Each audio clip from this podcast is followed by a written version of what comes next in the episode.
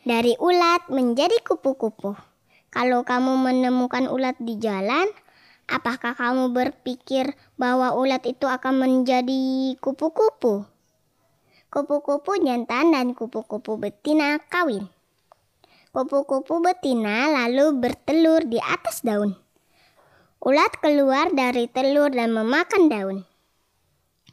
Ulat lalu mengurung diri dalam kepompong dan menjadi kupu-kupu yang indah dengan sayap yang masih terlipat. Kupu-kupu lalu membersihkan sayapnya dan terbang.